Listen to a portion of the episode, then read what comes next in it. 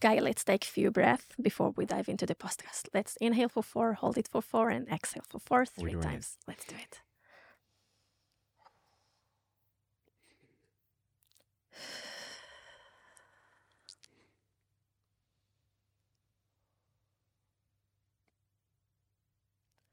All the making of a viral podcast right there. this is downhill from here. no, it's it's getting uphill because we stop. Sometimes we just need to stop and take a breath, right? That's absolutely right. Okay, so now I can begin. The Human Founder by Gali Bloch Liran. Hi, I'm Gali Bloch Liran, and welcome to The Human Founder, the podcast where we speak about the mental aspects of the entrepreneurial journey. Entrepreneurs often describe the emotional roller coaster that is embedded in being an entrepreneur or investor, where you experience the lowest of lows, such as when you get you find out that one of your closest friends uh, was diagnosed with ALS disease, and the highest of highs when you become a father for the first, the second, and the third time. And it's from that place of uncertainty, the need to constantly self manage ourselves, keep up our energy, and be mentally resilient in order to deal with everything, well, it's not easy. In each episode, I will be talking to entrepreneurs, investors, psychologists, being their sounding board, with the goal of creating a space for this less spoken about layer, which is the mental aspect accompanying the entrepreneurial journey. I will also share tips and tricks to help boost your focus, clarity, and mental resilience. So today I really have the pleasure of talking with you, Guy Yamen, and thank you for sharing the breath in the beginning with me. So thank you for coming. Pleasure being here. And let me introduce you for those who are not familiar with you. Guy, you are a co founder and managing partner of TPY Capital, an early stage Israel based VC. Prior to launching a TPY, you spent a few years as a consultant with McKinsey and Company in both New York and Tel Aviv, and we'll speak about it later on. You're a co founder of Prize4Life, a nonprofit which was dedicated to accelerating the discovery of treatment and cures for ALS. In another nonprofit, Meet, Middle East Entrepreneurs of Tomorrow, bringing together Israeli and Palestinian youth in learning computer science and entrepreneurship. You helped spread the foundation of Meet's virtual learning hub just prior to COVID when COVID hit. You're a follower of the Middle East Leadership Initiative of the Aspen Institute and a member of the Aspen Global Leadership Network. Received your MBA from Harvard Business School and BA in Economics and LLB from Tel Aviv University. So, so many things that you've done along the way. And we're going to dive deep a little bit to some of them today. But I want to start with what you told me in the elevator. You have three daughters, right? That's correct. And you're willing to have many more, right? well, in a, um, in a bizarre world, I think yes. We, we, we have three girls, um, seven, five, and two, and they're actually a little bit like babushka dolls. also you open one, there's another one, and another exactly. one. Exactly. So uh, surprisingly, since we last met, which is about a year ago, we did not reproduce, but in a bizarre world, I could imagine having more babushkas. I don't see it actually practically happening, but that's that's right. But that's the ideal thing that might have happened, you know, if things would be a bit different. Yeah, yeah. Well, I started. I'm a late bloomer, so I did start late, and uh, in a, um, I did not think we're going to have more than two kids. Uh, funny that we're diving into this aspect of life, but mm. ultimately For probably the most important aspect of life. So I'm gonna I'm gonna roll with the with the with the with the punches. uh, in in a in a initially, I did not think we're gonna have more than two uh, offsprings. Uh, but you know, once we started this off, you know, we realized how much we actually enjoyed with all the craziness of life. And our youngest just turned two, and you know, terrible we two, the horrible two, or the, not? The, not there the yet. Terrible, absolutely horrible two. And at the same time, there's something that is absolutely absolutely captivating about it. Mm-hmm. And you know, my wife and I, we constantly live nostalgia, which uh-huh. I don't know uh-huh. if you you've kind of experienced this mind mm-hmm. where that in the presence you already long to mm-hmm, uh, mm-hmm. the present. Yeah, and yeah. and in the position like this, oh, we don't have a baby at home anymore. In a soon, we're not going to have a toddler at home. Mm-hmm. Uh, so that's something that is accompanying it, and it's nice to actually recognize in the sleepless nights. Recently, many sleepless nights, uh, as well as You look fresh. Uh, look very fresh. Uh, You worked hard to look uh, fresh. exactly, exactly. As well as the the daily tantrums. Mm-hmm, like there's actually there's something nice about recognizing in real time that this too will pass. I, I want to reflect on two things that you said because you're a father to three uh, girls and I'm a mother to three boys. So it's exactly the you know the opposite. That we're offline. We're just gonna arrange what we call the shidduch. It's like I just had uh, Danny from Viola and Johnny from F2, and Johnny has four boys, and Danny have four girls, and they just mentioned both how they always laughed about it. You know that they're uh, the same ages, different uh, uh, gender, but. Um, First of all, how is how does it feel to be a father to long to three girls? And second, the fact that you are a young father, respectively, and you see yourself as an investor uh, the sleepless nights uh, what does it mean to have you know two years old at home i think and also uh, allow you put you in a space to be very empathetic and to understand what's going on uh, in the, you know the heart and the minds of the uh, young entrepreneurs that you invest in them which are dealing with the same thing at home and needs to balance you know their fatherhood and the fact that they are founders Yeah, I, I I think you can be a, an absolutely fantastic investor without uh, being a parent. that as well and with that, uh, I will say I don't think um, many things had prepared me for becoming an investor more than um, being a father, and I don't think I would have been as decent of a father as I am had I not been an investor before. So Mhm. the, these two are actually kind of interlinked Mhm. because um, I've worked with many many startups be- before becoming a father. Mhm. And there's something about the recognition, which I did not have as an investor in my early days as an investor, of what you can and cannot actually Mhm, change in mhm. uh, the trajectory of a startup Mhm, mhm. uh, that is very meaningful for your journey as a parent. Uh, Mhm. The recognition that there's just so little that you can actually affect, and you should focus on those things that actually matter. It actually transcends whether you look at it from an investor lens or from a from a father lens. You know, when you invest in startups and when you're an active investor, the temptation to kind of breach beyond what would actually drive the needle is is high. Mhm. And I think one of the recognition for me as an investor is really to figure out what those areas that really drive the needle, and the same goes Mhm. um, for As being a father. father exactly Yeah, and, and to your question about you know entrepreneurs, I just have tremendous respect as someone who considers myself being entrepreneur, being one of the founders of TPY, the fund that uh, that we started more than a decade ago.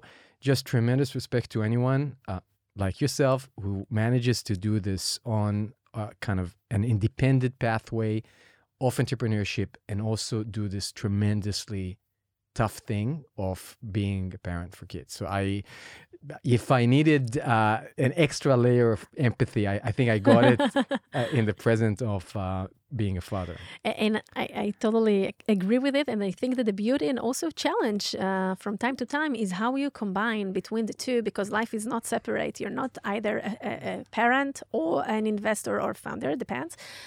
You have to uh, make them align. You have to make them. Com- you have to combine them uh, in the course of life, and to see how you balance it in the right way. Sometimes it will be more to this side. Sometimes it will be more to this side. But overall, you need to see how you combine the two things in order to create a whole self, both as a parent and as a founder or uh, an investor. Well, especially in a household where both Exactly. parents, like Mhm. ours, you know, both parents are actually career people, mhm. and um, that makes it extra extra tough. Mhm. Um, and it's interesting because you are talking about mixing it, and you know, at least from I don't think I have philosophy about many things in life, but Uh-huh. one of the things that I was never able to, uh, it's actually not a question of option. I was never able to disconnect between the professional and the, call it, emotional aspect of things. Um, and I'm ap- honestly not 100% sure that th- this is the making of a fantastic investor, but that's Mhm. just the reality of it. You know, with maturity, thank you for complimenting me for being a very young dad. But in years, or dog years, at least uh, in dog years, um, I'm not extremely young.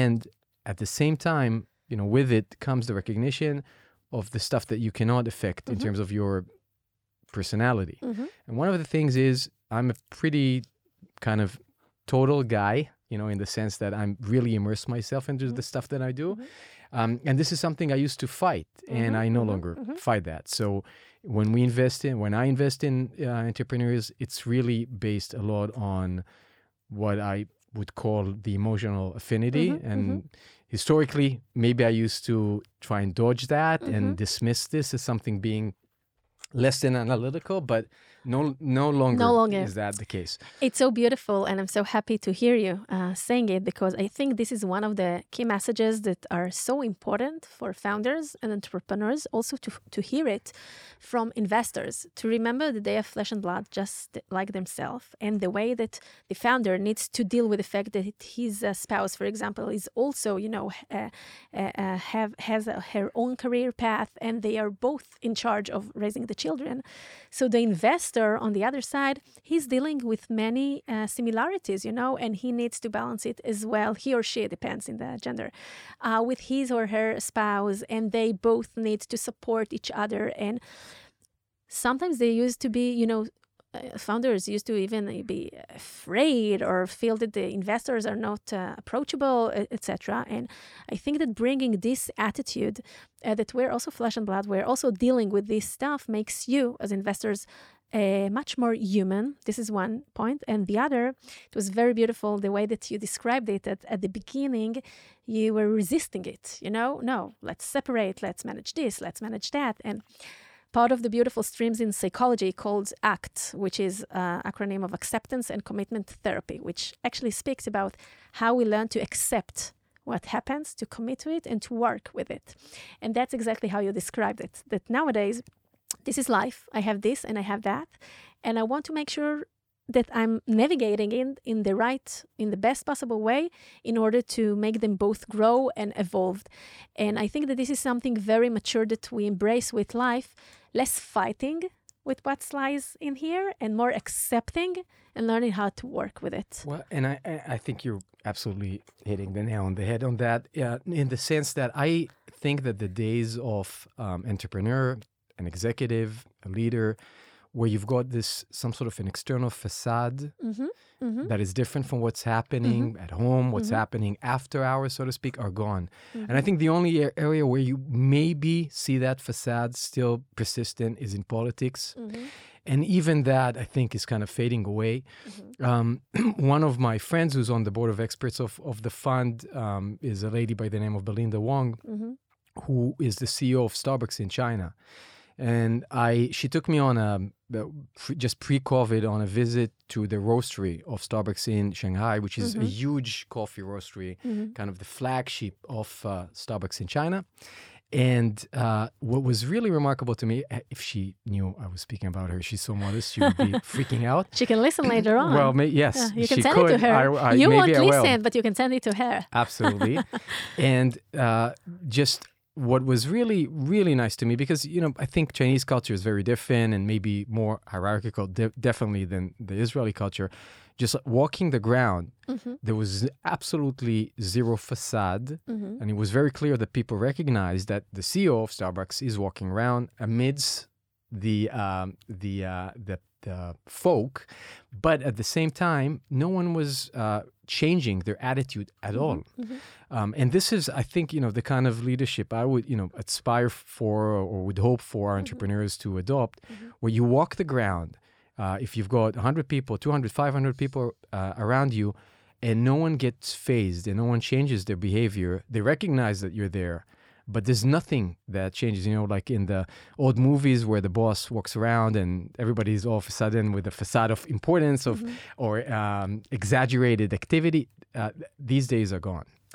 That's beautiful. And I think that um, as an investor, you have um, a lot of uh, tools and way to impact uh, the leadership style of the founders that you're actually investing in by giving them not just by saying by you know uh, uh, action speaks louder than words and by just by behaving that way like being a role model to how you see leadership can really allows them uh, to behave in the same manner and to later on grow huge companies and good companies that the employees feel convenient, feel comfortable, feel open, feel psychologically safety uh, uh, in order to behave, you know, as they are and not to change their uh, perception or behaviors because, you know, the, the CEO or the founder is walking by. I want to take you back a little bit to your childhood. Of course you do. Of course I do. That's why you came here, right? I told you before, but you can say only what you want to.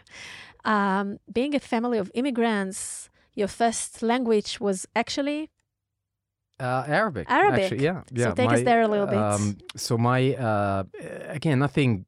You know, if you look at the, the path of history, there's nothing extraordinary about my my family story. But um, my my family are Baghdadi Jews. Uh, both my my dad and my mom were in the same Jewish school in Baghdad, and ended up uh, fleeing that country in, in 1971, which was actually pretty late for, for a Jew in Baghdad to to stay there, um, and uh, did emigrated to to Israel. And I was born a few years after as firstborn. You know, the first language that I heard and is still absolutely natural to me, even though I hear it less and less, unfortunately, uh, in the path of years, uh, is the Jewish Baghdadi Arabic dialect. So.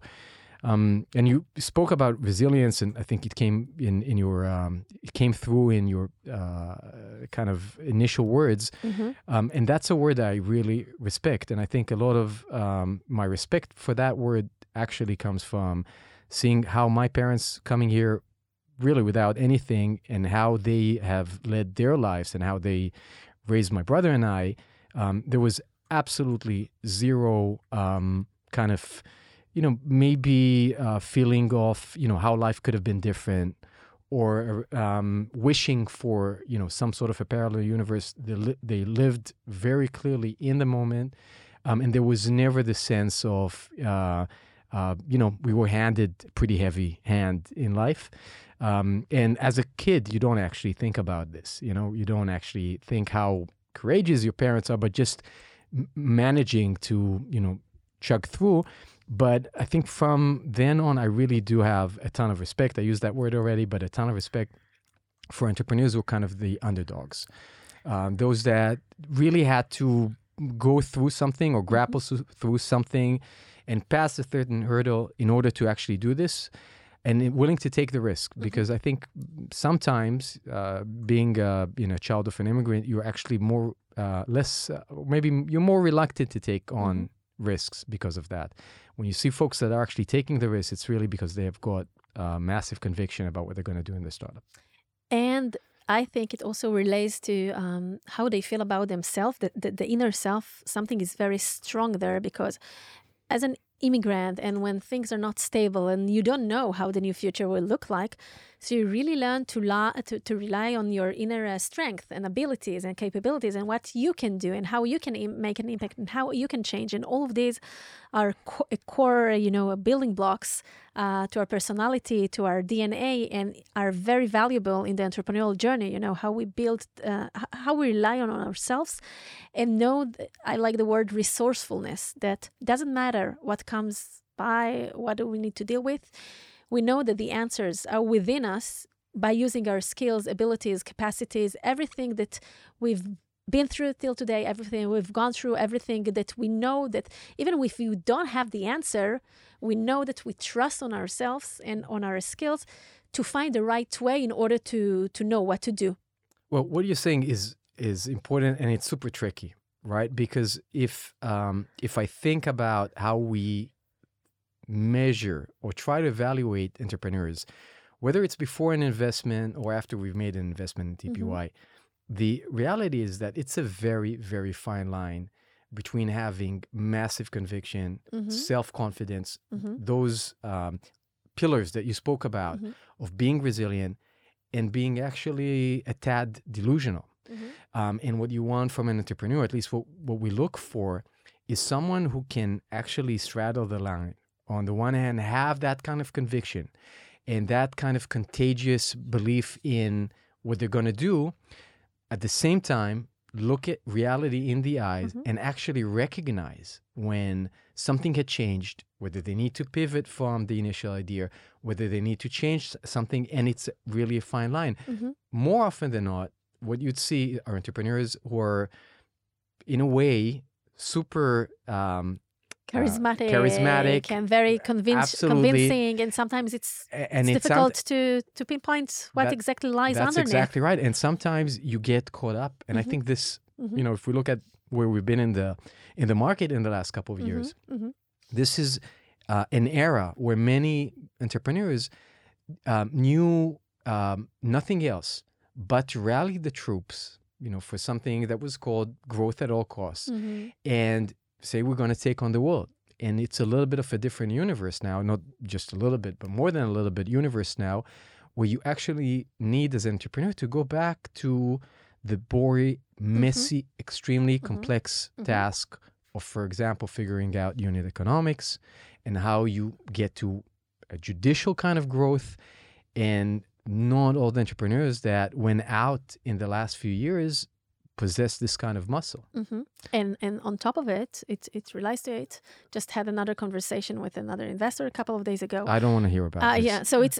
I think I think you will agree, and then we can, uh, you know, say it's it's something that you said. You're, you're the only investor in the universe that, in the recent years, uh, entrepreneurs were, uh, uh, you know, dealing with a lot of money, and money was very easy to, to get and to grow their startups, and like the budgets and and the the, the uh, burnout was really high, and all of a sudden, they need to shrink the activity. They need to learn how to do more with less. And this is a mindset that they are not used to because there was an abundance of many, many things, money, etc. Let's recruit more people. Let's bring this and this and that. And now, how do we get even to better results and we show better growth and, uh, and higher ARR and other uh, metrics that we want to check, but even with less resources. And this is something that um, for people who just grew into this reality that we're here in the last, in the few recent years, and they are not used to, you know, uh, previous. Uh, um, uh, uh, uh, um, crises, yeah. uh, yeah. Yeah. So now it's really difficult to them, for them to make this shift in their mindset and to really believe that they have it in them uh, to succeed even in different situation. Yeah, you you're absolutely right, and and it, it goes even uh, beyond that because I think over the course of the last few years, there have been instances where entrepreneurs went on to start a new thing because that, in a way, was the easiest career path, Mm-hmm, mm-hmm especially in a mm-hmm. place like Israel where That's you do have point. access yeah. to, to tech and you've got access to mm-hmm. capital. And you know it's a it's a relatively sophisticated funding environment. So whether in the West Coast or London or Tel Aviv, to go out and become entrepreneur in a way was the easiest mhm. kind of the Mhm. easiest thing that you could have done and i'll tell you a story Th- there's there's a guy i i love you know we talked about this uh, like on the friendly basis because it's for me it's always part of the story but on a friendly basis it was very close to the to the fund and uh, he went out to fundraise two years ago the natural thing would have been for us to do something together but speaking of reluctancy, he was reluctant to take on some very basic, call it analytical exercises around trying to figure out what are the underlying assumptions behind what he was going to Mhm, mhm. do in the startup. And he was absolutely transparent with me, and I loved it in saying, Guy, I don't actually want to do that, and I don't need to do this. I don't need to do this because I'm going to be able to raise. And lo and behold, he did. But I also don't want to do this. And I think what he was telling me effectively is I don't want to actually face big questions that if I'm going to start digging into them now, I may not go. This is, you know, when we talked about the line of conviction and delusion. I'm not saying he's delusional and hopefully he'll succeed, you know, uh, God's willing. But there is a point where you're saying if you're not willing to face some of the fundamental question of what's underlying your startup, Mhm. and really figure out what you're believing in. And this is something that we always advocate when we Mhm, invest in mhm. startups and afterwards. Just be clear about what the underlying assumptions. Mhm. So if they change, you're at least in a position to understand and react to that. And if your underlying assumption keep gyrating and keep changing, it's actually super difficult in the life of an entrepreneur who has to deal with a hundred different fires every single day Mhm. to realize that there's some tectonic shift Yeah. or some secular trend shift that you were just unaware of because you're not willing to document mentally or otherwise, and hopefully both, um, how those underlying assumptions have changed. I think it's really true. And it even goes a bit deeper because you described it in a very practical way. But we used to see so many people, uh, women and men, turns to entrepreneurship because it's very sexy and there's a lot of money and this is the way out. I don't want to go to a corporate. I want to do this. I want to do something of my own. But the hard truth is that being an entrepreneur founder is a very, very, very difficult job. It's a very difficult capacity to maintain, to do whatever it takes. It's a lot of responsibility, the ownership, the commitment, the long hours, the trade-offs that one needs to to make. And I think that it comes back to the very, very preliminary in time point of making the choice of being an entrepreneur to go on this path. And I think that many people didn't really um, manage this conversation, have this conversation with themselves, with their inner self. Right, Am I willing to pay the price? Right, because in a way, it was opting out of becoming entrepreneurship in um, an ecosystem like in Israel. Right. not for everyone, but but for those who had the inclination, rather than actively opting in and saying, "I'm actually going to do this with all the responsibility to my and everything employees that it and to my contains, yeah. investors and to my lifestyle and to my mm-hmm. family and everything else. And in a way, I think that what happens today in the markets is actually healthy in this manner because it's like a uh, uh, uh, It's like the default. It's like it, it cleans the, the, the noise, you know? Only the strong. Self selection. Yeah, yeah self selection and the, the strongest yeah. will. Only the, the fittest will... survive. Exactly. And this is something healthy because it's some kind of a correction, you know, to the market, to the uh, entrepreneurs, etc. But it, for those who who choose to go on this journey, I think that really getting to know themselves in the best possible way and just to what you say, the big to ask the big questions to understand, uh, you know, the preliminary uh, assumptions that they're going through. It's so important because at the end, when an investor will look at you, or you'll need to sell it to um, a client, or you'll need to pitch it wherever. If you don't feel comfortable with what you're bringing to the table, with if you don't really believe in this, and of course that always what we say is a little bit better than the truth itself of you know the level of the product, etc. And this is okay as long as it makes sense, but really have this inner strong belief in what we're doing and why we're doing it and why us in this sector in this time on this solution is something that goes way beyond with the entrepreneur to whole his entrepreneurial journey and it's very it's very beautiful to see how even though this colleague of you a friend that you really wanted to do something with him but it made him really dive deep into those questions to find answers and i think it's a really really valuable tool and for for entrepreneurs to really ask themselves those questions before Right. And e- even though I, I will say, Gali, I think in a way it is what's happened in the last year is almost uh, unfair, and in some you know respects, it is unfair for entrepreneurs because, truth be told, uh, in many, many, many companies, many startups. What they heard from investors was very clear, and it Mhm. was growth at all costs. And you- mhm. uh, another example of another buddy of mine who's not uh, out of the Israeli ecosystem, a company that had raised more than a billion dollars, in fact, more than a half, one and a half billion dollars. And he was already in a key position to grow the company.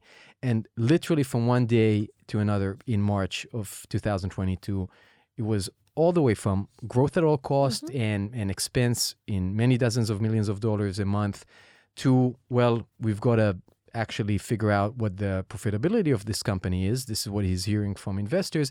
And any kind of growth activity is halted except for organic growth. And he was tasked with doing non organic stuff. And if you think about the entrepreneur, the first time entrepreneur, the first time CEO, and not just mm-hmm. that individual, but all the people around them, having heard that, you know, the bells of go, go, go at all costs, and then in an instant, without any recognition or self recognition mm-hmm. Of investors that this is it, we're just moving on, there's something extremely disorienting about it. and it's very difficult mentally and psychologically to this entrepreneur to to hold this you know to deal with it. How do i address it now? What do i need to do? How do i make all these adjustments within me which is exactly the agility that we need to have as founders but yet when it i confront it you know and i have i don't know 30 40 people in my company and all of a sudden i need to make harsh decisions and i need to from one day to tomorrow to another day really to change the whole perception that i have about what's going on. So going back to what you said at the beginning the professional and the personal and the emotional we cannot separate it. And the founders the founder that stands there or the team of the founders they are dealing with a lot of you know uh, um, scarcity and uh, in uncertainty and even anxieties to how do i hold it all together? You're right. And I, and I think you know if if there's something that uh, people undermine and it's true for how investors we investors uh, interact with entrepreneurs and it's true for how entrepreneurs interact with us and with their employees is how important it is to just show up. And what I mean by just showing up, it's really just being consistent mm-hmm. about what you're saying. Mm-hmm. It doesn't mean you're not going to change your views to my my earlier point about underlying assumptions. But what I really strive to do consistently in in my professional career and, and also as I said in my personal life is just be consistent. There's something terribly disorienting for me when someone says something and then says something which is based on completely different underlying mm-hmm. assumptions without recognizing mm-hmm. that shift gap, yeah. because it indicates to me that either analytically they're just not capable of following mm-hmm. through and that's rarely the case because we have the privilege of working with extremely smart people typically or that they just don't recognize or even worse they kind of game it and when you look on the other side, and again, it's been very prevalent in venture in the last couple of years and, and since the downturn, when entrepreneur uh, investors are telling the entrepreneur something and then it abruptly changes, mm-hmm. I feel the pain of how difficult it is. So trying to remain consistent in how you see a growth of a startup is is extremely important in my mind. Yeah, and I want to add on it. Um, consistency can at the base of consistency is actually you know our core our values. If i look at this as i'm being consistent with myself okay i'm comparing myself to myself that throughout my life you know caring for others or being warmly or helping others or the different building blocks that I feel that are part of my consistency, okay, goes with me in the different chapters, in the different part of the journey. So even if the external surrounding is changing and now there's a turn down and less money and we need to fire people, I'm consistent internally, you know, my, my inner uh, uh, environment, the way that I see the world, the way that I behave according to my values, that stays with me.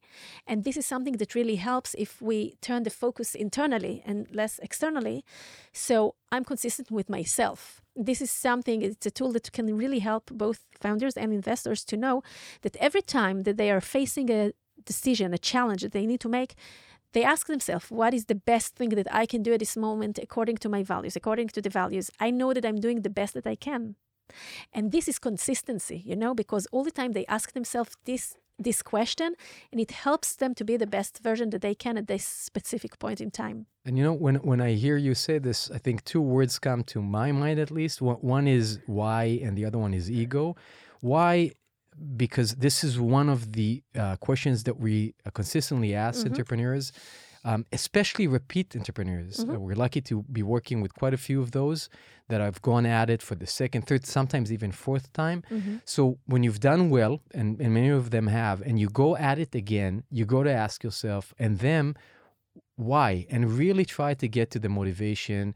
And uh, we always say there's no right answer, mm-hmm. but let's just figure out what's going to be uh, a, a fantastic outcome? Mm-hmm. Is it mm-hmm. really changing the universe? Because rarely it is changing the universe. Or is it something that has to do with other aspects, by the way, including ego? Guess what? No one will ever say that it's ego that's driving him or mm-hmm. her uh, into entrepreneurship but that's a very strong aspect and it's a very strong aspect of you know any of us mm-hmm. it's important also uh, as long as it's manageable and contained in the right manner and and recognizable mm-hmm. and i mm-hmm. think you know if i look at even you know, within our you know small partnership at TPY and, and my partnership with my uh, my beloved partner Dekel, like so much of our um, uh, uh, you know journey um, has to do with recognizing each other's mm-hmm. egos and recognizing where that is something that drives the decision versus anything else. It really is. I, I know it's like you know if there's one thing I would say to the you know the the 20 year old self mm-hmm. of me is mm-hmm. is really trying to circle mm-hmm. you know ego related uh, decisions and at least at least recognize them ego can't go away ego should not go away but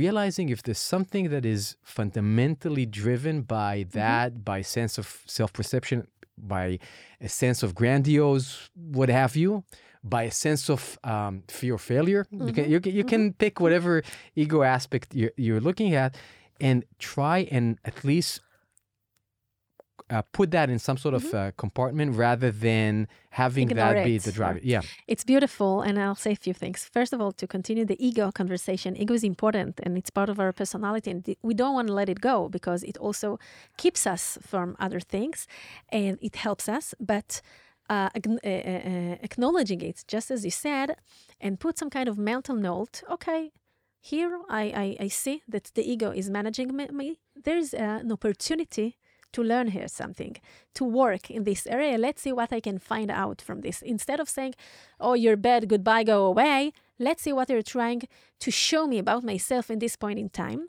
And the second thing I want to say is, you are co-founders yourself, Dekel and yourself. You're partners in an investment uh, uh, firm. Doesn't matter that you are an investors and not co-founders of startup, which has a lot of similarities. And what I want to say to the founders that are listening to us, that also partners in a VC, small, big, doesn't matter, they need to maintain those relationships as well. In the same way that you have challenges and conflicts with your co founders in startups, not you, but other investors, everyone has those challenges and conflicts within the VC uh, itself. And I remember that um, a couple of years ago, We had a little British. yeah, it came out. It, ca- it, it came out British. I'm Remember. British. I remember. I always um, I used to be a flight attendant, so I, I consume also the American English and the British English, and sometimes it's mixed. And I really like British English, so I'm happy when you see it. Okay, going back. So I remember I had this. Uh, it was American one, um, an offsite with a, a, a VC and its partners. And after the offside, they told me, you know, Gali, this is the first time that we allowed ourselves to speak up about those things uh, personally and one to each other and to really share those things. And it's like we always wor- talk about work and just work and investments, but we didn't allow this conversation to come to be here, to be present. And it's so important because if we try, you know, to move things away, they definitely don't disappear. They just grow and, you know, the thoughts and the feelings that we have around it. And if we allow the things to be between us, it's present. Let's talk about it. Let's see what we need to change. When my ego managing me, when the ego is managing you, we learn each other. We can reflect to each other what happens during the conversation. So this is a very, very strong space uh, to be in. And I think that the more investors, because usually I'm not talking about angels, but usually it's a team of investors, two and more. It can be many more. As long as we will manage this kind of dialogue and communication between us, we will be much better investors between us and we will be much better investors to our founders because we can better relate what's going on with their partnerships. You, uh, you know, it's it's uh, it's interesting because I um, I always considered myself to be um, a good listener, but truth of the matter is, there's one thing I like more than to listen, and, and that's to speak. And uh, it was uh, it was uh, You really just- listened to me now. I, I sh- I, I did. saw No, it. I, you- I felt you know, it. You know the, um, the, the the joke about Israel is that you know Uh-huh. one of the time you speak and one percent of the time you listen and ninety eight percent of the time you you pounce in the dark and waiting to to- speak, to to, say, to something, say something. to interrupt. So, uh, so a year and a half ago, I had a little um, minor uh, vocal cord surgery, and I could actually not speak Uh-huh. for a few days. What a gift. What and you know what? You're you're saying it kind of jokingly. No, no, I'm, I was Well, serious. first of all, it was a gift to the universe around me. I, let me assure you. But but beyond that, the fact that you could actually, I could actually not speak. You think that you are a good listener until you cannot utter a word. Mhm. And there was something about those few days that I was not allowed to speak that you get to a point where your level of um, observe, Awareness and- yeah. and observation Mhm. Is just a different um, at a different level. So I I do try since to just give myself this kind of you know whether it's in in a board meeting or any kind of work related meeting or you know startups presenting. Also remember that you know I could have had some vocal cord injury at the time and maybe uh, should speak a little bit less. And and another thing about that, so you know, things, bad things or complicated things or challenges occur all time in life to investors, to founders, to whomever, to everyone. This is part of life, and learning how to um, see what happened and we what we can take from it is a lot of uh, internal, emotional, uh, mental work that we can do and really, you know, help us grow. So even this uh, surgery that you said, that I'm sure wasn't a fun thing to do, even scary and a lot of uncertainty. Not as scary as podcast. Let me tell you. But do you feel scared now? No, or you're okay? no, not at all, no. I feel like I- you're no, no. natural. Yeah, you're just absolutely. you're moving in Just the give me the mic. yeah, just give me the mic. And I have to say to those who listen, and it's a lot of you, Guy called me yesterday, Gali, we'll talk about this. And I told him, Guy, it will be okay. Chill off. I know what to do. You're going to have fun. And so it's beautiful to see it. Also, the transition that we have because I'll leverage it. It was a peak performance for you, right? I'm putting the mic, I'm putting the camera. You need you need to see what's going on, and it's exactly like for founders. They are on the stage or in a pitch. Yeah. So all those moments in life, it's not our comfort zone to be in, but the question is how we address them. Right. What we take from it. How do we mentally prepare ourselves? so are we this? doing this next week again? Is that what you're, You're saying? already being I- expert. I'm in. No, no. I mean, we can do a whole series because I like talking to you. So anyway, I don't remember what I've said, but I want to take the conversation to um, to continue Sure. it. So we spoke about you and Perez, uh, Dekel, sorry, and we sa- spoke about the what changes now in the investment world. So what changed in your investment process, or how it's how the situation now in the markets affect uh, the way that you, you know, choose investments in uh, founders, the, the the questions that you ask, the level, the level of materials that you want to do. Right. You want to see how it changed? No, it's uh, it's a it's an interesting one. I I don't think um, fundamentally our questioning had changed because I think even um, at at the top of the cycle, as it's called, back in 2020, back in 2021, I don't think our DNA as a fund was to kind of get drunk by the bar, and and we say today, you know, we're we're not with a hangover right now. Mhm. I think there's something about um, maybe the way we operate as, or maybe the DNA of, of the fund is such that I don't think we were ever drawn to, you know, the, the circus promoter kind of Mhm. entrepreneur, which we spoke about, and like the typecast that we spoke about. Um, and I don't think they were drawn to us. Mhm. So, what we really do try to understand, and that's been consistent in the top of the cycle and at the bottom of the cycle. Speaking about consistency, this is exactly Eh, that, eh, what eh, we spoke about earlier. Right. It, it is really the the a kind of the proximity to the pain of the entrepreneur. Mhm. Why are they choosing to do what they're doing? Is it because it's something that they've experienced? Is it because of something that they've explored? And beyond the uh, thesis or the theory behind why they're doing what they're doing, have they really done the research? And you know what, Gali? The research is not about the glorified TAM kind of joke that, you know, showing me that you've got a $10 billion Mhm, uh, market, which is ripe for disruption. When you just launch and you're three people strong, it's it's a stretch. I I want to see how you actually um, did your analysis in terms of speaking to the right people. Do you even recognize who the right people in that Which is industry? actually how they think, their process Exactly. of thinking. Uh, how the- do the- they address? how do they address how do they explore how do they navigate the various different signals that you get when you go out and do something and, and, and people will tell you nah no one's going to need that no one's going to pay for this like there's just no way you can take on a company of the scale of snowflakes and, and so on so how do they deal with those responses? that's exactly right. And the question that lingers, especially at this uh, point of time of the market, it always was, but always at this point of a time when you do investments, sometimes you know first money in, as we do, is really the you put that individual and you kind of try to imagine them in front of talent that they need to bring to the startup, in front of the strategic partners that they're going to work with, in front of clients, and in front of the next round fund um, funds that they're going to be looking at, and you ask yourself, can they pull it off? Can tell? Can they share a narrative which is compelling on the one hand and is really grounded? So the, the point of being grounded at this point of time has has become ever more prevalent than it did just a year, a mere year ago. It sounds like a you know different life, but Mhm. uh, being able to show that kind of level of uh, groundness is is particularly important. Thank you for that. I want to change. Thank uh, you to for thanking. I want to change formal to. Wait, wait. Now I'm going to be heavy. the humor is later to take us out from the heaviness. So you mentioned in the beginning when I asked you about the one of the lowest of lows of uh, moments in your life. Uh, you mentioned it when you found out that one of your closest friends was diagnosed with ALS.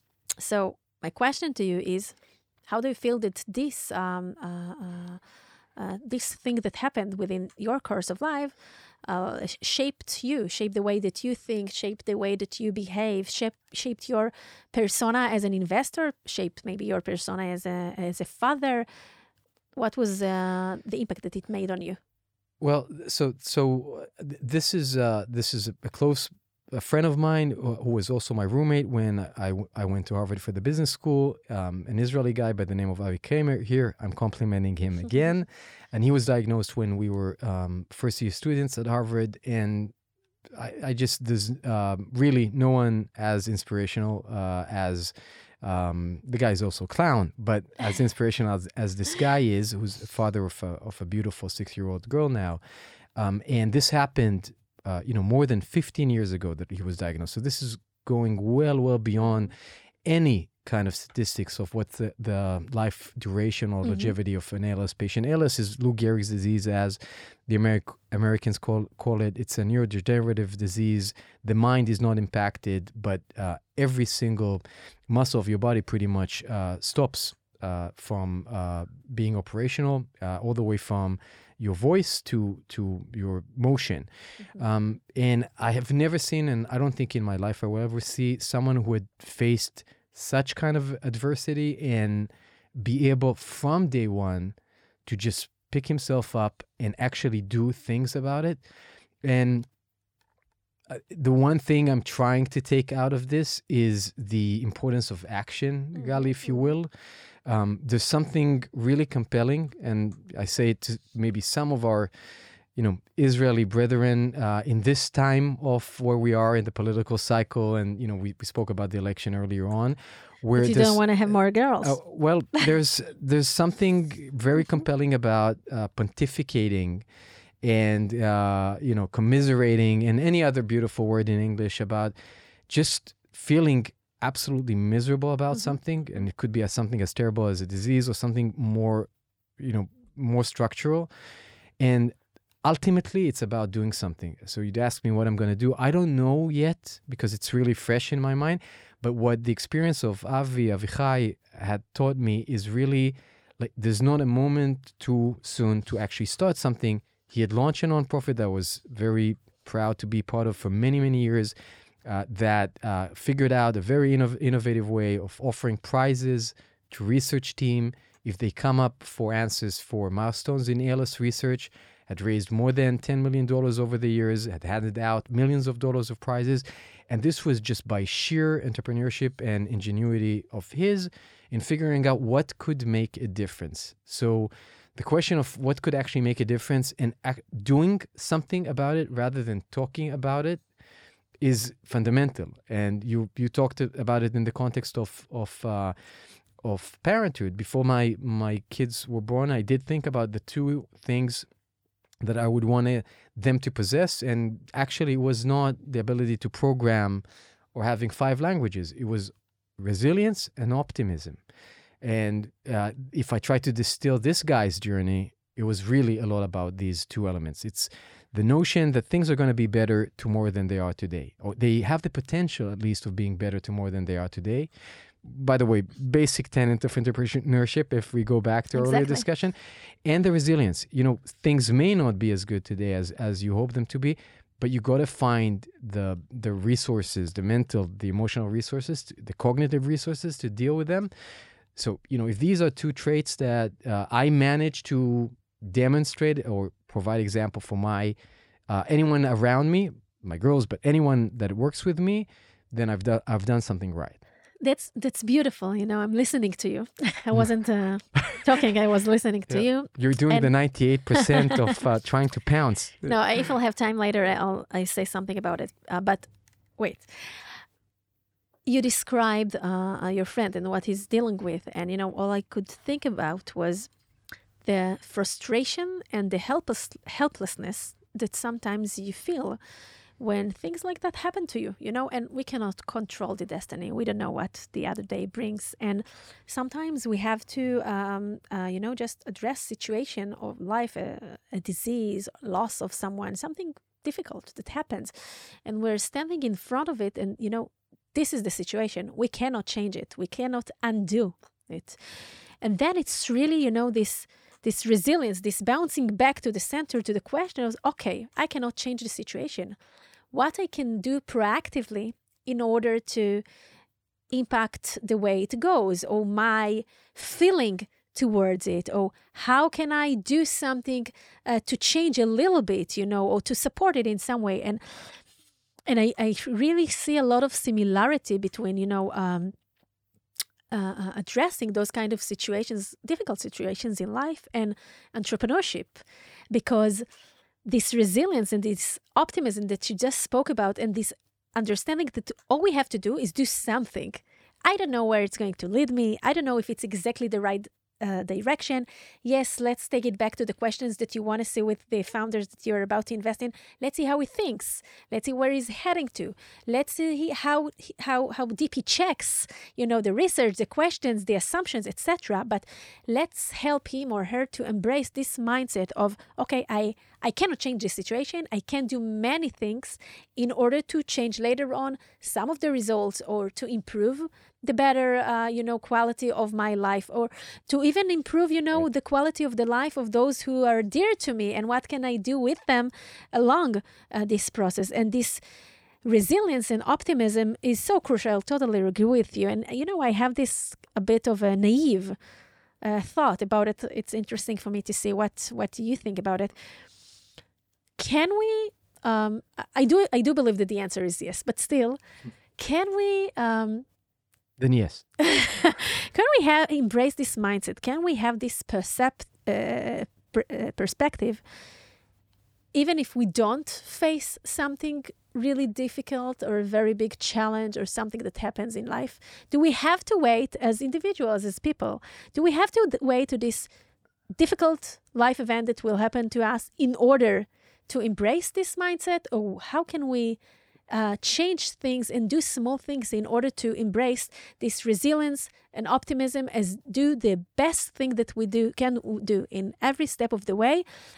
And if something like that will happen we will be much stronger in the way that we deal with it. Well so honestly i think i have um, a, a, lot to go. So i don't think i can preach anyone on on how to, to I, I really work at it you know mm-hmm. especially yes actually not the resilience. I'm pretty good. I think at the resilience side, but the optimism is definitely something I. You have some cynical I, aspects I, as well. I, I have yeah, to. I have it. to. Uh, which again, I don't think it's uh, it's uh, you know separate from it's from being optimistic. It's but a it's spectrum. But but but but then I I wouldn't say yes. I would say a resounding no to your question. I I don't think you have to wait for the big one. You know, like they're waiting for the in California for the big mm-hmm. one, the big earthquake to come. No, my yes is your no. We say the same, yeah, just from a different yeah, angle. Yeah, I mean, I'm like there's, uh, I mean, first of all, w- what's pain uh, is subjective, mm-hmm. and you know someone's uh, pain is nothing to another. So I don't even want to go to yeah. the philosophical yeah. conversation of what's harsh. Yes, but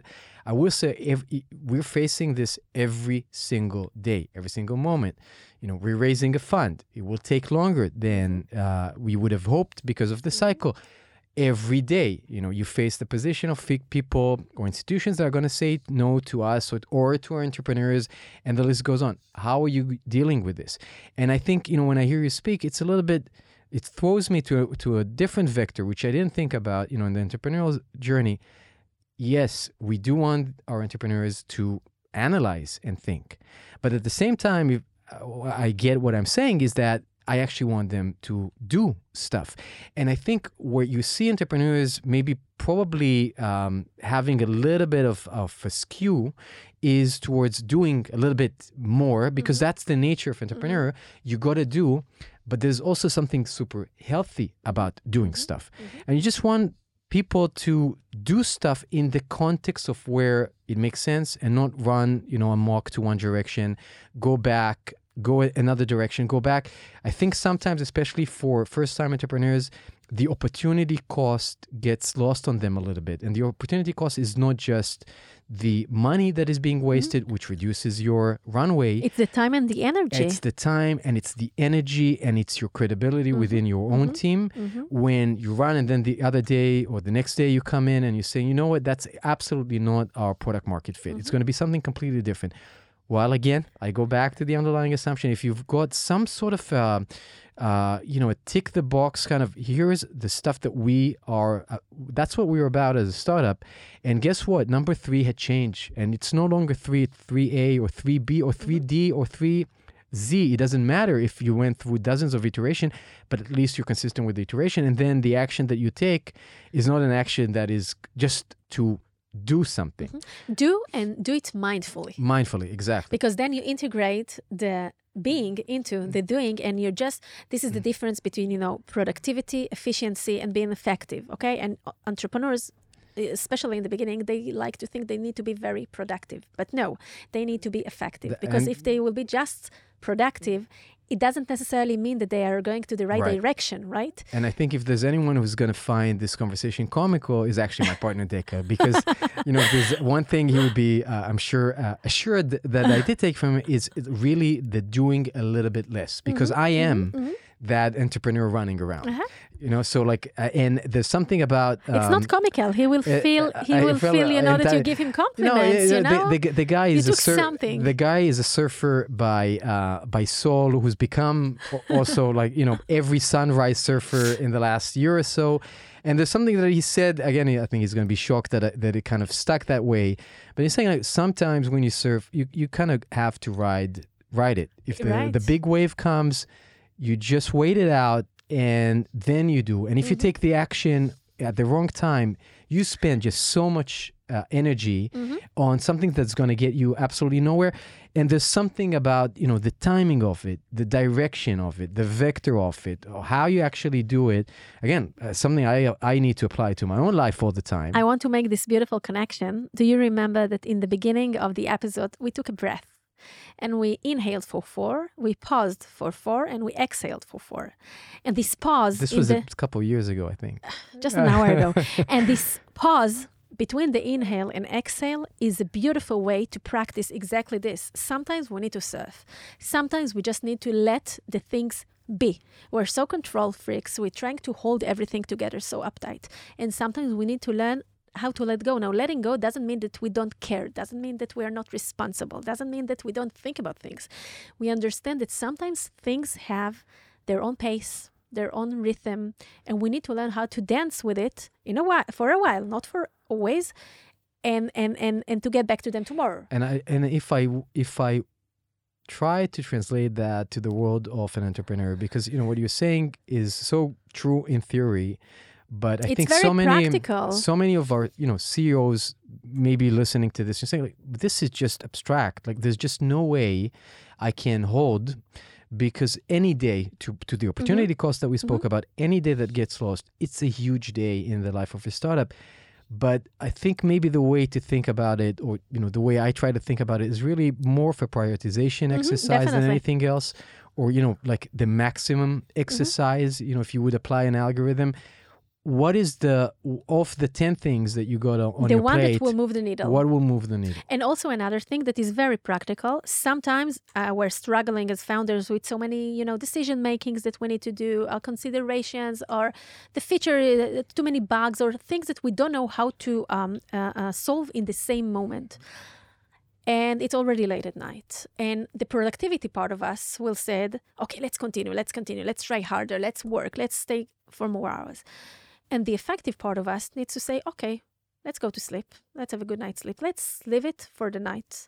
Let's wake up tomorrow with fresh eyes, fresh mind, and look at this. And many times, a new angle will arise, and we'll look at it from a different way. And I, I know about myself that it really happens a lot, and I train myself how to do it. And then, you know, the answer just rise. Yeah, so I- it's very practical in that manner. And, and you know, I, I feel like we can go on for hours, but there's um, there's something about how you um, you really go through these exercises with entrepreneurs and entrepreneurs, you know, in teams, which sometimes it is the tactical things that, that do make a difference. For example, in just the way you even frame things or phrase Mhm, things to mhm, yourself. Definitely. I think, you know, if I look at, I don't know how many hundreds or thousands now of conversations I've had with entrepreneurs, if I would ask someone, what could go wrong? You know, what what's what's the what's the the worst case scenario?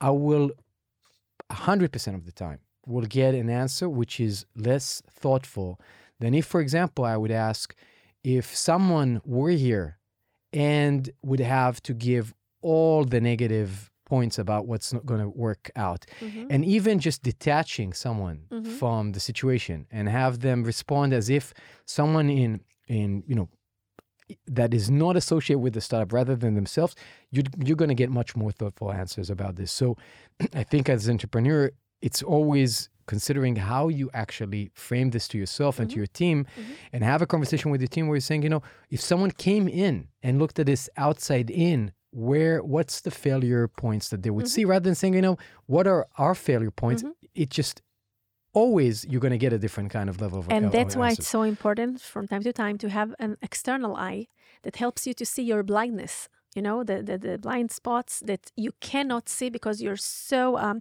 focused and the ongoing on the day to day. And I like to use this metaphor of, you know, the child that sits on the moon in the uh, uh, uh, uh, Warner Brothers, right? In Yeah. the uh, wa- sorry, DreamWorks. DreamWorks. Yeah. Sorry, yeah. Uh, and he he sends, you know, the fishing uh, and, and and he tries to catch something. And I like to tell the founders sometimes sit on the moon, go to 30,000, uh, you know, feet, look from a, a far point, look from an external point, and ask yourself, what do you catch from there, you know? Because when we're in it, sometimes we are mi- mixed up with everything and we cannot look at things from a higher perspective that helps us uh, get this framing and get this, uh, you know, prioritization uh, of what we need uh, to do we have so many more things to to address, but it's already you know it's getting to an hour, and I don't want to for them gonna listen for too hour- long. yes, yeah, the- can yes. continue for this uh, part. they've uh, got two they've got a life your listeners got a But life we have to do something because you know uh, we spoke about it before, and you're a little bit cynical, etc. So I do want to uh, ask you, how do you use humor? Sense of humor and humor as a tool, very practical tool, you know, also to help um, reduce the anxiety and to make things, you know, a little bit more smoothly and, and to create a di- different atmosphere without other thinking that, you know, it's not serious enough, it's not in the right space, etc., etc. Well, I, I don't know that there's a there's a method to it. I can assure you, if there's one asymmetry uh, in my life, is how funny I think I am versus uh, what others think of me. And I'm not just but at saying least, it. at least you're acknowledging I'm, it. I'm absolutely acknowledging. We we talking about it. We, we should have as, as few of a blind of blind spots as, as possible. But I I I I, I think there's absolutely no uh, guidebook to Uh-huh. using humor. And again, I would be Just use know, it. My wife would say I would be a terrible example of, uh, of how to do that. but but I will say uh, I find it extremely compelling when working with people, entrepreneurs, partners, what have you, who have that sense of how you can look at the situation and and find what is funny about it and what is comical about it. For me, that's you know sometimes it is the uh, we talked about like the uh, the emotional affinity. Uh, For someone, I, I, I mean, I don't need you know a parade of clowns uh, coming to see me every day, but but there's something about the ability to recognize it. And I think part of it is also, in a way, just being self-reflective Uh-huh. because I think these two go in hand Uh-huh. hand in hand. So being able to be self-reflective and uh, again, not overly modest, but actually seeing the the the. I mean, life is The funny. Uh, fun, life and- is and sad the and funny and everything yes. else. But absolutely seeing it and recognizing it and not being afraid of it, Mhm, because the point is not how you know how you stack up in the level of seriousness. I mean, people have done fantastic things, and they can also be a little bit mm, clownish. It's fine. Um, so you know, if someone you know were to tell me you know, an amazing practical joke that they pulled, I, I would. That's a that's a very very um, uh, that's something I respect. Again, using this word.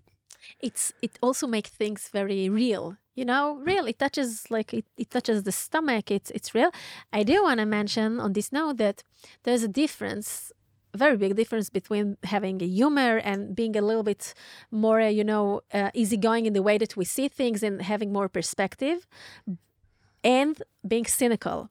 And cynicism is something that the um, lowest form of wit. I don't like cynicism. I don't understand You called me a cynicist earlier. Ah, yeah, yeah, because you have it a bit in you, and maybe it's something you need to work on. And I want to mention that many people do not understand cynicism, and they can be vulnerable about it and be uh, uh, uh, take it, you know, personally. And sometimes we don't know it. And if we are like that, I'm not saying that you are. Other people in other Yes. podcast room, in other studio.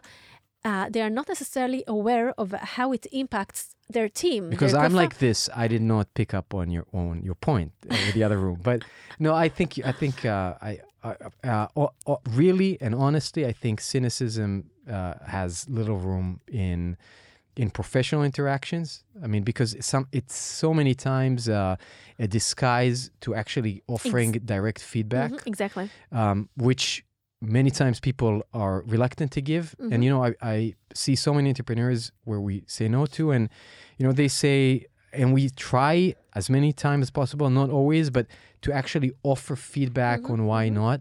And it's remarkable how um, how it's easy to just not offer that feedback. And I even you know, a friend who's a uh, who's a very accomplished investor that I you know that I like. And he said to me once, I, "There's absolutely no upside from offering this kind of feedback," and I absolutely disagree with that notion. There's something about being also very tr- straightforward about what doesn't work Mhm. with folks you haven't worked with, or even uh, and definitely with folks that you d- are already working with. That makes it a very big difference. And I try to again, even if you would will call me a cynic, to um, not use this uh, very uh, crude tool of cynicism to actually offer feedback, but rather be very clear and direct about the feedback that I'm offering. And, and I want to add on top of it um, that sometimes using cynicism as because it's you know it's a def- it's a def- it's a defense it's our way to defend ourselves. Uh, it covers other things, very important things that can come out. And last week I had this uh, session with with founders I love, and they're serial entrepreneurs, and it's their third startup, and they're now um, funding the fundraising their uh, A round, and um, the CEO wanted to share uh, what he shared later on about the anxiety that he feels currently because they're having difficulties to raise the money. And they're good and the product is good, but the market is hard. And at the beginning, the uh, atmosphere was so cynical that he could not he could not uh, put it on the table. You know, he could not open up in, in, the- the, room, startup, in the room, yeah, in- because they were cynical about it. And when I stopped it and we opened, you know, this window to really bring out how do you f- how do we feel, so something beautiful happened. They all got off their suit of cynicism. The CEO shared his anxiety about what's going on, and amid one second afterwards, they, his two co-founders shared exactly their anxieties about what's going on. Each one, you know, takes it from a different perspective. It Yeah. impacts other things, but the fact that we took the cynicism out of the table allowed them to really bring themselves into the conversation to share what how do they feel? How they're going to address it? How can they support each other? And they really they told me afterwards it's not that i'm amazing. They they did an amazing job and they said it was really so impactful for us and we just you know it wasn't it was difficult for us to put the cynicism aside but it made such a difference in the conversation and in the way that later on they could support each other uh, to continue. So I totally get it. Great, Guy. So we said hi, Guy, and now we're going to say bye, Guy, right? I, I just want to hear yeah, one yeah. one more word in British English. That- And British English. How really? Uh, How really? Goodbye. Ah, goodbye. So, uh, toodaloo. um, we spoke about so many things today, and you know, um, I like it just that we go with the flow and whatever comes in, and this is the way it should be. Yeah. Now, because- uh, such is life. All we need to do is just, you know, do right and to navigate it with a wave, with a river, with whatever comes.